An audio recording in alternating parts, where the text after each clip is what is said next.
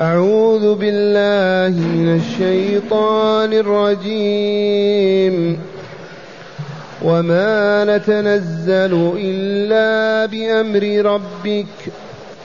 له ما بين أيدينا وما خلفنا وما بين ذلك.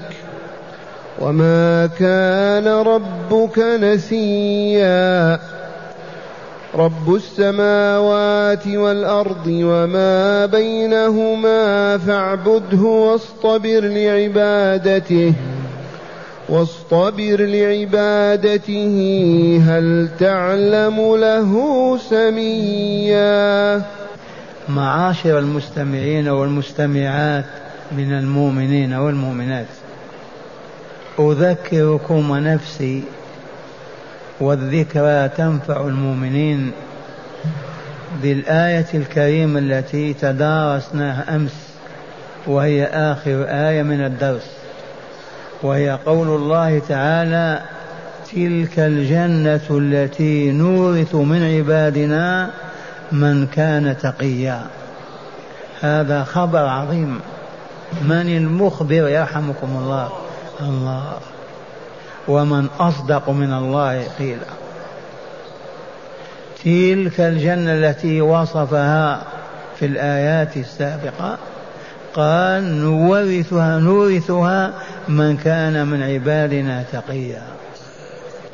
فمن هنا آمنا أن غير المتقي ليس أهلا للجنة. ما أعدت لغير المتقين. لا يورثها الله إلا عباده المتقين. والجنة تورث كما علمتم أن الله خلق لكل إنسان وجان خلق له منزلتين واحدة في الجنة وواحدة في النار. واحدة في عالم السعادة الجنة دار السلام وآخر في عالم الشقاء النار والعياذ بالله تعالى. ومن ثم نتوارث. فالمؤمن التقي ينزل في منزله ويرث منزل الكافر الذي كان في النار. كان له منزل في الجنة. لما دخل النار فقد ذلك ونزل في النار.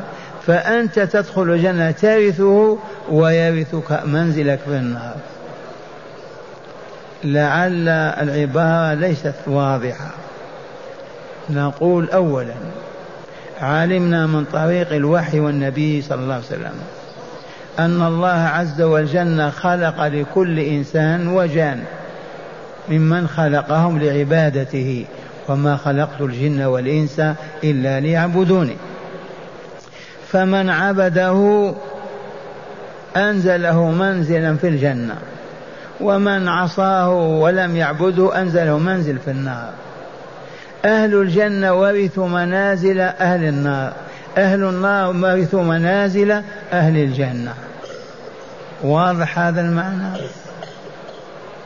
وضربت لكم المثل أبو جهل له منزلة في النار وإلا لا؟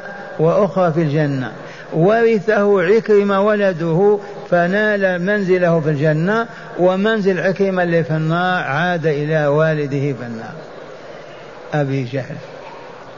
هذا معنى نورث من عبادنا من كان تقيا. وعلمنا كثيرا أن تقوى الله عز وجل أولا لن تكون إلا من مؤمن. فالإيمان أولا. إذ غير المؤمن كافر والكافر ميت ليس بحي فكيف يصوم ويصلي؟ أو يجتنب الربا أو الزنا. فالمؤمن هو الذي متأهل لأن يتقي الله عز وجل. وهنا عرفنا كيف نتقي الله. نتقيه فقط بطاعته بالإذعان والانقياد والاستسلام له. وهل الله أمرنا بأوامر؟ إيه أمرنا بأوامر ونهانا عن نواهي. وبين لنا أن تلك الأوامر ثمرتها نتاجها حصيلتها تزكية النفس وتطهيرها. والله العظيم. وأن تلك المنهيات المحرمات من شأنها تخبيث النفس وتلويثها حتى تنتن وتتعفن ومن ثم لا تصبح أهلا للجنة ولكن تصبح أهلا للنار. فوجب على كل مؤمن ومؤمنة أن يتقي الله عز وجل أي بطاعته فيما أمر به فعلا وفيما نهى عنه تركها. ويبقى الخطوة الأولى وهي يجب أن نتعلم أوامر الله وأن نعرفها وأن نتعلم كيف نؤديها ونعرف أوقاتها المحددة لها. وإلا ما نستطيع أن نطيع الله في أوامره ونحن ما عرفنا منها إلا القليل أو ما عرفنا منها شيئا. فلا بد من معرفة محاب الله وهي أوامره التي أمر بها على سبيل الإيجاب أو الندب والاستحباب لأنها تزكي النفس وتطهرها. ومن ثم يجب أيضا أن نعرف مكاره الله نعرف ما يكره الله. وقد عرفنا أنها في الاعتقادات والأقوال والأعمال وحتى الصفات. فما أمر الله به يجب أن نعرفه وأن نعرف كيف نؤديه ليثمر زكاة النفس وطهارتها وما حرمه الله ونهى عنه يجب أن نعرفه منهيا منهيا لنتجنبه ونبتعد عنه. وإذا زلت القدم وأعمى الشيطان عبد الله واستفاق على الفور يمسح ذلك ويزيله بكلمة أستغفر الله. والنية الصادقة في التوبة الصحيحة. هذا لا بد منه. وإلا كيف نرث الجنة؟ تلك الجنة التي نورث من عبادنا من كان تقيا. هل تذكرون هذا؟ ما ننساه. والآن مع قول الله تعالى وما نتنزل إلا بأمر ربك. من القائل هذا القول؟ هذا جبريل عليه السلام. هذا جبريل عليه السلام. من جبريل يرحمكم الله؟ هذا الملك الخاص أو المختص بالوحي إلى نبينا صلى الله عليه وسلم. هو السفير بين الله تعالى وبين رسوله صلى الله عليه وسلم. اسمه جبريل. وقد شاهده المؤمنون في الروضة.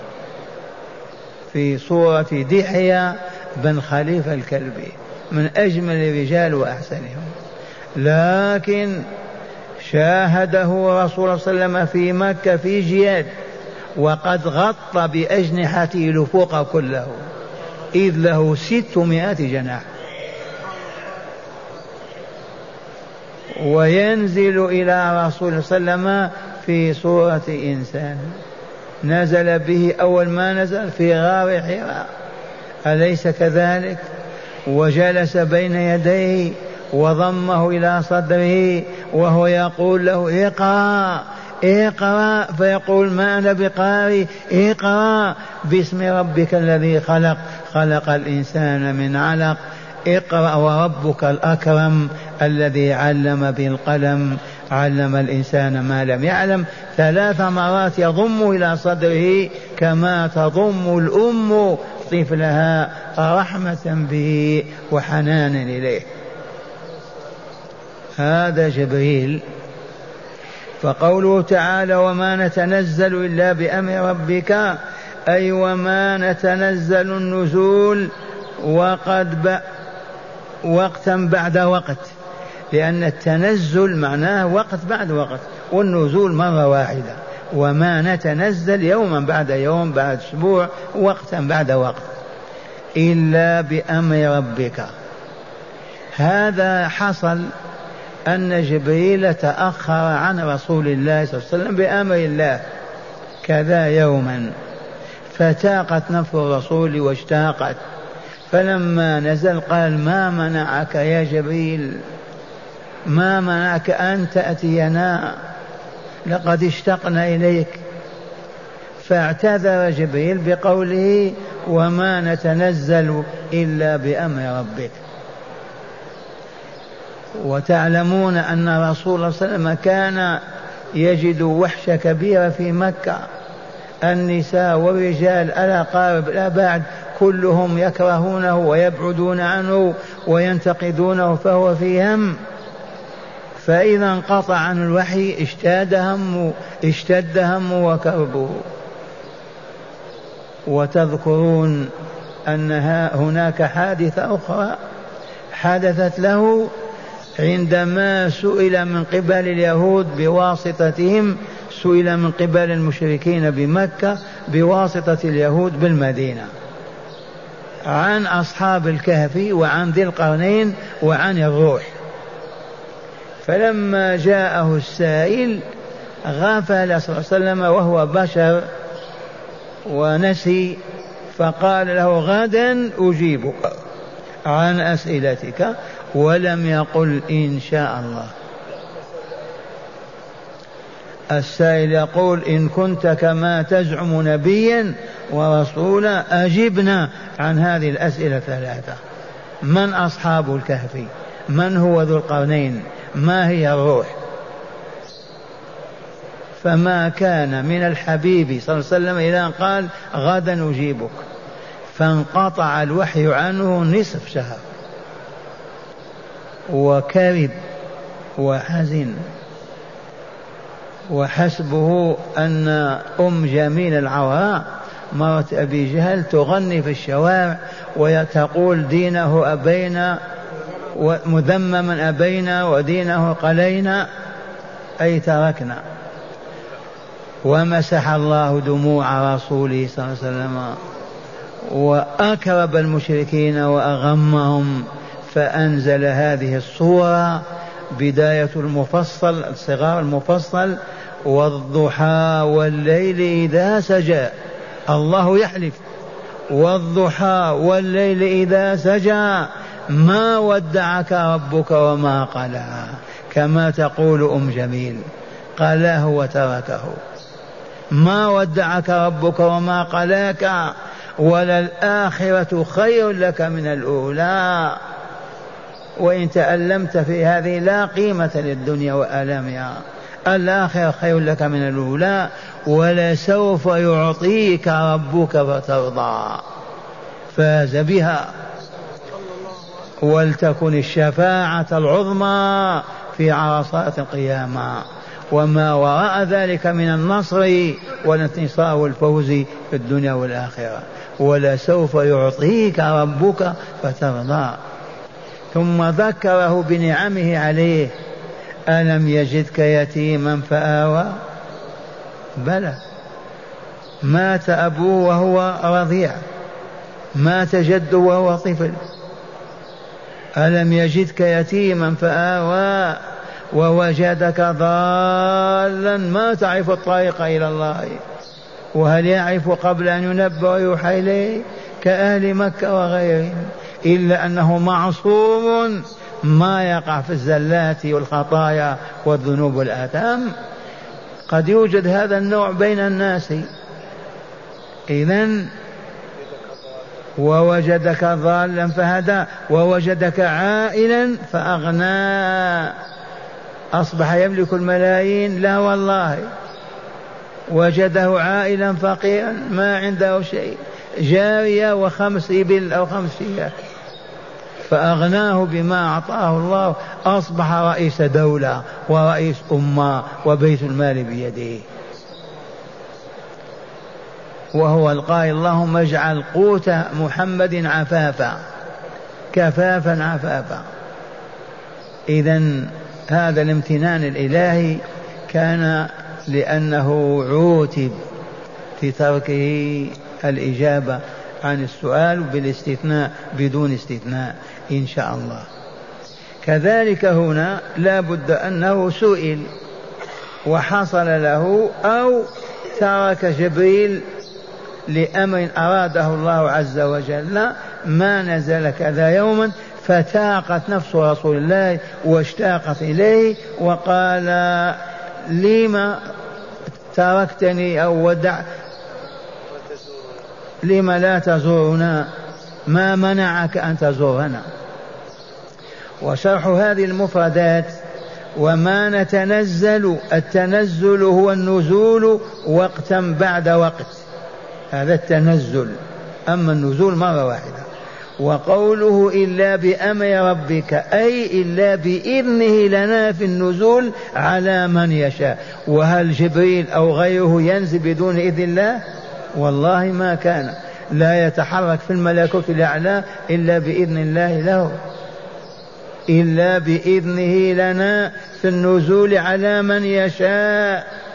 وقوله له ما بين أيدينا أي مما هو مستقبل من أمر الآخرة. الآن نحن مستقبلون الدار الآخرة ولا لا؟ وما خلفنا ما مضى من دنيانا.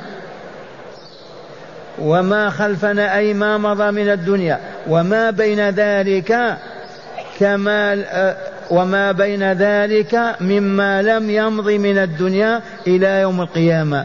أي له علم ذلك كله. أي لله عز وجل. وقوله وما كان ربك نسيا. أي ذا نسيان. فإنه تعالى لا ينسى. فكيف ينساك إذا ويتركك؟ لا تقل نسيا يا ربي. فإن الله لا ينسى النسيان من ضعف الإنسان والجان أما خالق كل شيء وبيده كل شيء كيف ينسى؟ وما كان ربك نسيا. رب السماوات والأرض أي مالكهما والمتصرف فيهما. هو خالقهما ومالكهما ومن يتصرف فيهما. يحيي ويميت ويعطي ويمنع ويضر وينفع ويسعد ويشقي إلا هو. ليس إلا هو. أعمالنا كلها من فضله وإحسانه. وقوله واصطبر لعبادته أي اصبر وتحمل الصبر في عبادته حتى الموت. هذا خاص بالرسول أو عام بكل مؤمن. يجب أن نصبر على عبادة الله بفعل ما أمر وترك ما نهى. نصبر كيفما كانت الحال. غنى فقر صحة مرض هجرة قرب على أي حال. يجب أن نصبر. اصبر وتحمل الصبر في عباداته حتى الموت. كقوله تعالى واصبر حتى يأتيك اليقين واعبد ربك حتى يأتيك اليقين. ما اليقين يرحمكم الله؟ الموت. ثم نشاهد عما قريب ملك الموت وأعوانه. نوما إيمانا قطعيا. انتهى الاضطراب في النفس. الموت يقين. تشاهد الملائكة وروحك تؤخذ وترفع إلى الملكوت الأعلى. وقوله تعالى هل تعلم له سميا؟ هذا الاستفهام. لا والله لا سمي له ولا مثل ولا نظير فهو الله أحد لم يكن له كفوا أحد. أبدا. قال تعالى وما نتنزل إلا بأمر ربك. من القائل؟ جبريل. له ما يك له ما ما بين أيدينا وما خلفنا وما بين ذلك. الدنيا والآخرة وهذه المدة التي إلى الآخرة. الكل بيد الله عز وجل. وما كان ربك نسيا. نفى تعالى عن نفسه النسيان وإلا؟ حتى ما يقول نسيا يا ربي أبدا. على علم به وأخر جبريل لحكمة اقتضت ذلك. وما كان ربك أي خالقك ورازقك معبودك الحق الذي لا رب سواه نسيا. وبينه بقوله رب السماوات والأرض. فهل خالق السماوات والأرض ومالكهما ومالك ما يجري فيهما ينسي ينسى؟ يعتريه النسيان مستحيل أبدا. وما كان ربك نسيا كيف وهو رب السماوات والأرض وما بينهما. وبناء على هذا والفاء للترتيب فاعبده إذا اعبده أي ذل له واخضع وأنت تطيعه فيما يأمرك وينهاك. واصبر على ذلك وتحمل واصطبر. فاعبده وحده لا شريك له واصطبر لعبادته وتحمل لأن العبادة قد تصعب أحيانا وقد توجد في أزمنة وأمكنة ضائقة ما يطيقها. يصبر لعبادته هل تعلم له سمية؟ إذا الجواب لا. إذا فلا يكون إلها يعبد حق إلا هو. ما دام لا مثيل له ولا نظير ولا شبيه فمن هو هذا؟ هو الله. إذا لا إله إلا الله. والله إنه لا إله إلا هو. لا يوجد من يستحق أن يعبد ويطاع ويحب ويرهب ويخاف منه من الكائنات كلها إلا الله. لأن هذه الكائنات كلها مربوبة مخلوقة لله يميت ويحييها يعطيها ويمنحها يرفعها ويضعها فكيف يوجد بينها من يعبد؟ لا الملائكة ولا الأنبياء ولا الصلح ولا غيرهم فضلا عن النباتات والأشجار والأحجار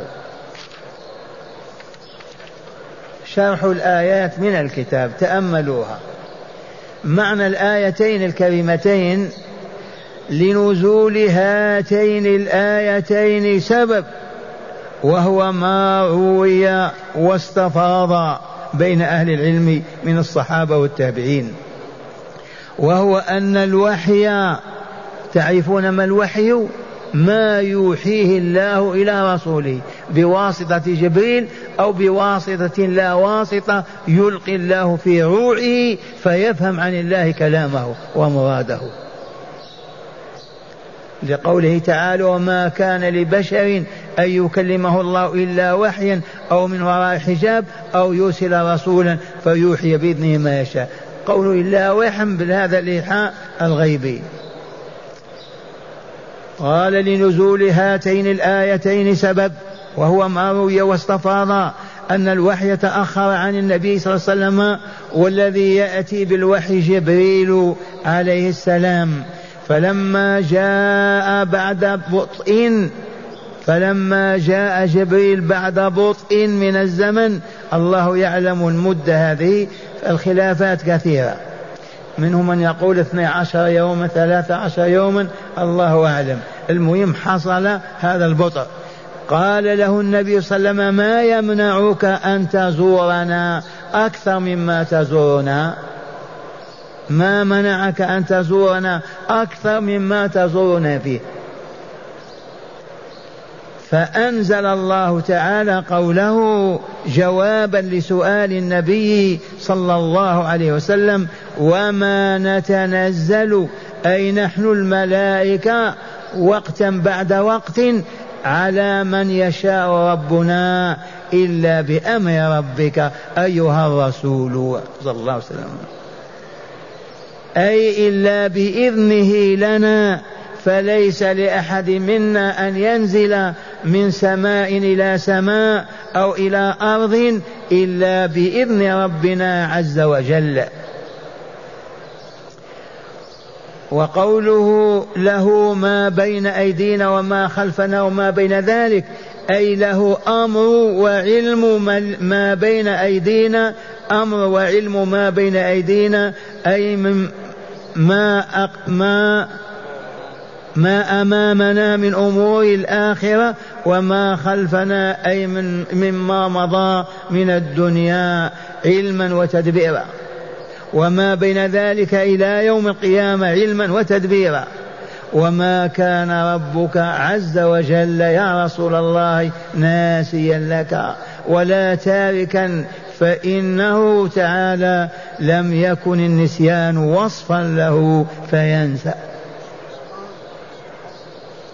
وقوله تعالى رب السماوات والأرض وما بينهما يخبر تعالى رسوله بأنه تعالى ملك السماء ملك السماء ملك السماوات والأرض وما بينهما والتصرف فيهما فكل شيء كل شيء له وبيده وفي قبضته. وعليه إذن فاعبده أيها الرسول بما أمرك بعبادته به. واصطبر لعبادته. أي تحمل لها تحمل لها المشاق فإنه لا إله إلا هو. فهل تعلم له سميا؟ أي نظيرا أو مثيلا؟ والجواب لا لا. إذا فاعبده وحده وتحمل في سبيل ذلك ما استطعت تحمله فإنه لا معبود يحق لا معبود بحق إلا هو إذ كل ما عداه مربوب له مخلوق خاضع لحكمه وتدبيره فيه. هتعطيني اللطيفة هذه. مجاهد إمام المفسرين رحمه الله من سادات المفسرين التابعين. يقول لما أبطأ الملك جبريل على رسول الله صلى الله عليه وسلم ثم أتاه فقال ما الذي أبطأك يا جبريل؟ وأخرك عني. قال كيف نأتيكم؟ وهذا الذي نريده أن نعمل به. كيف نأتيكم وأنتم لا تقصون أظفاركم؟ لأن الذين يجلسون مع الرسول قبل هذا ما كانوا يعنون بأظفارهم. كيف نأتيكم وأنتم لا تقصون أظفاركم؟ ولا تأخذون من شواربكم ولا تتقون روا ولا تتق ولا تنقون روا رواجب رواجبكم ولا تستاكون. قال مجاهد فنزلت الآية في هذا.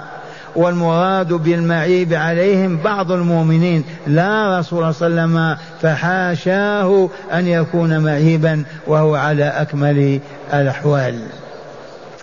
ومعنى هذا كما تعلمون وزيدوا ينبغي أن نقص أظافرنا في الأسبوع مرة أو في العشر أيام مرة. ما تكون الأظافر لأن قد تتوضأ وما يدخل الماء فيها ولا يصح وضوءك لا سيما الغسل. لا بد من قلم الأظافر. وهذه دعوة إلى النظافة إلى الطهر. من هي الأمة الطاهرة؟ أليس المسلمين؟ يغتسلون ويتوضؤون. قال لا تقصون أظفاركم. ثانيا ولا تأخذون من شواربكم. يترك الشوارب تسقط هكذا على قديه ما ينبغي هذا. لا بد من قص الشارب. ولا تنقون واجبكم. وهي هذه العقد. إذا ما ينقيها أو يغسلها يقع فيها وسخ ويبقى فيها. رواجب هي هذه العقد عقد الأصابع إذا ما يعنى بها ويغسلها يبقى فيها الوسخ. ولا تنقون رواجبكم ولا تستاكون. السواك ما هو مشروع إلا عندنا في المملكة. في العالم الإسلامي ولا واحد في الماء يستاك وهذا الواقع. والاستياك من سنن أبي القاسم صلى الله عليه وسلم ويكفي أن الله أمره بذلك ليطهر فمه. وهذا كل من أراد أن يذكر الله في تلاوة القرآن أو في ذكر الله أو في الدعاء أو الصلاة ينبغي أن يطهر فمه أي يستاك ويا ويل الذين يدخنون. يدخلون الرائحة الخبيثة المنتنة في أفواههم ويذكرون اسم الله بها. بينت غير ما مر مثل حي هذه الورقة هل يجوز أن تكتب فيها اسم الله وتضحى في خرء يبقى مسلما؟ والله ما بقي له نور ولا إسلام ارتد. اسم الله في ورقة.